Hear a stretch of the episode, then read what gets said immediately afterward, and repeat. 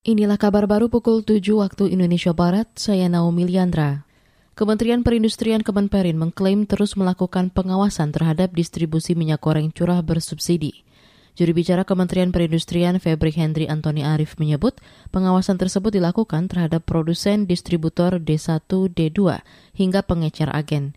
Hal ini dilakukan bekerjasama dengan Satgas Pangan Polri. Kami sudah kerjasama dengan pihak kepolisian ya uh, di beberapa daerah sudah ada uh, penanganan kasusnya umumnya adalah uh, agen pengecer distributor menjual dengan harga di atas HET dan itu merupakan uh, pelanggaran terhadap uh, kebijakan pemerintah. Uh, perkembangan sejauh ini untuk yang uh, beberapa kasus sudah naik tahap penyidikan ya ditangani oleh uh, Polda dan uh, Baris Mungkin barangkali itu sebaiknya ditanyakan ke uh, Mabes Polri ya.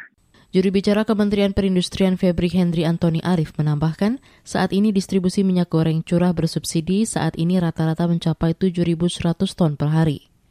Sementara itu Menteri Perindustrian Agus Gumiwang dalam keterangan tertulisnya menyatakan kasus terkait ekspor minyak goreng sawit yang tengah ditangani Kejaksaan Agung merupakan proses penegakan hukum dan tidak berkaitan dengan program penyediaan minyak goreng curah bersubsidi untuk masyarakat. Saudara, sebagian besar penganut penghayat kepercayaan terhadap Tuhan YME di Kabupaten Banyuwangi, Jawa Timur lebih memilih untuk menyembunyikan identitas agama anak mereka. Kepala Dinas Kependudukan dan Catatan Sipil Banyuwangi, Juang Pribadi mengatakan, langkah itu diambil orang tua penghayat kepercayaan untuk melindungi anak-anak dari potensi perundungan. Kata Juang, pelayanan pencatatan kependudukan termasuk mengganti isi kolom agama dengan kepercayaan terhadap Tuhan Yang Maha Esa terus digencarkan. Pemerintah Banyuwangi sejak tahun lalu.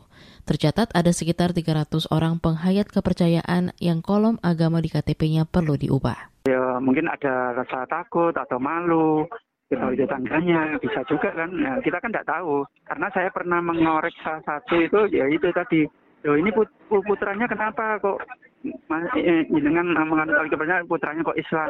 Hmm. Iya hmm. Pak, ini kan masih kecil, masih TK, yang hmm. nanti memilih sendiri, ya masuk akal juga gitu loh. Hmm. Kan kita nggak bisa maksa gitu loh. Kepala Dinas Kependudukan dan Catatan Sipil Banyuwangi Juang Pribadi. Sementara itu Bupati Banyuwangi Ipuk Fiestendani terus berupaya memberikan pelayanan perubahan data kependudukan melalui program Bupati Ngantor di desa. Warga penganut kepercayaan terhadap Tuhan Yang Maha Esa yang telah dewasa bisa memanfaatkan pelayanan itu.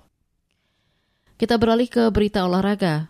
Arsenal sukses membungkam Chelsea dengan skor 4-2 dalam partai Liga Primer 2021-2022 pekan ke-33 yang digelar di Stamford Bridge, Kamis 21 April 2022 dini hari waktu Indonesia Barat. Kejar mengejar skor terjadi pada laga ini. Edi Nikta memborong dua gol Arsenal sedangkan dua gol lainnya dicetak Emily Smith-Rowe dan eksekusi penalti Bukayo Saka. Sementara itu Chelsea sempat dua kali menyamakan kedudukan masing-masing lewat aksi Timo Werner dan Cesar Azpilicueta. Berkat hasil ini, Arsenal menghuni peringkat 5 klasemen dengan poin 57, sama dengan poin Tottenham di peringkat 4. Di sisi lain, Chelsea masih menempati posisi ketiga dengan poin 62. Demikian kabar baru KBR, saya Naomi Liandra.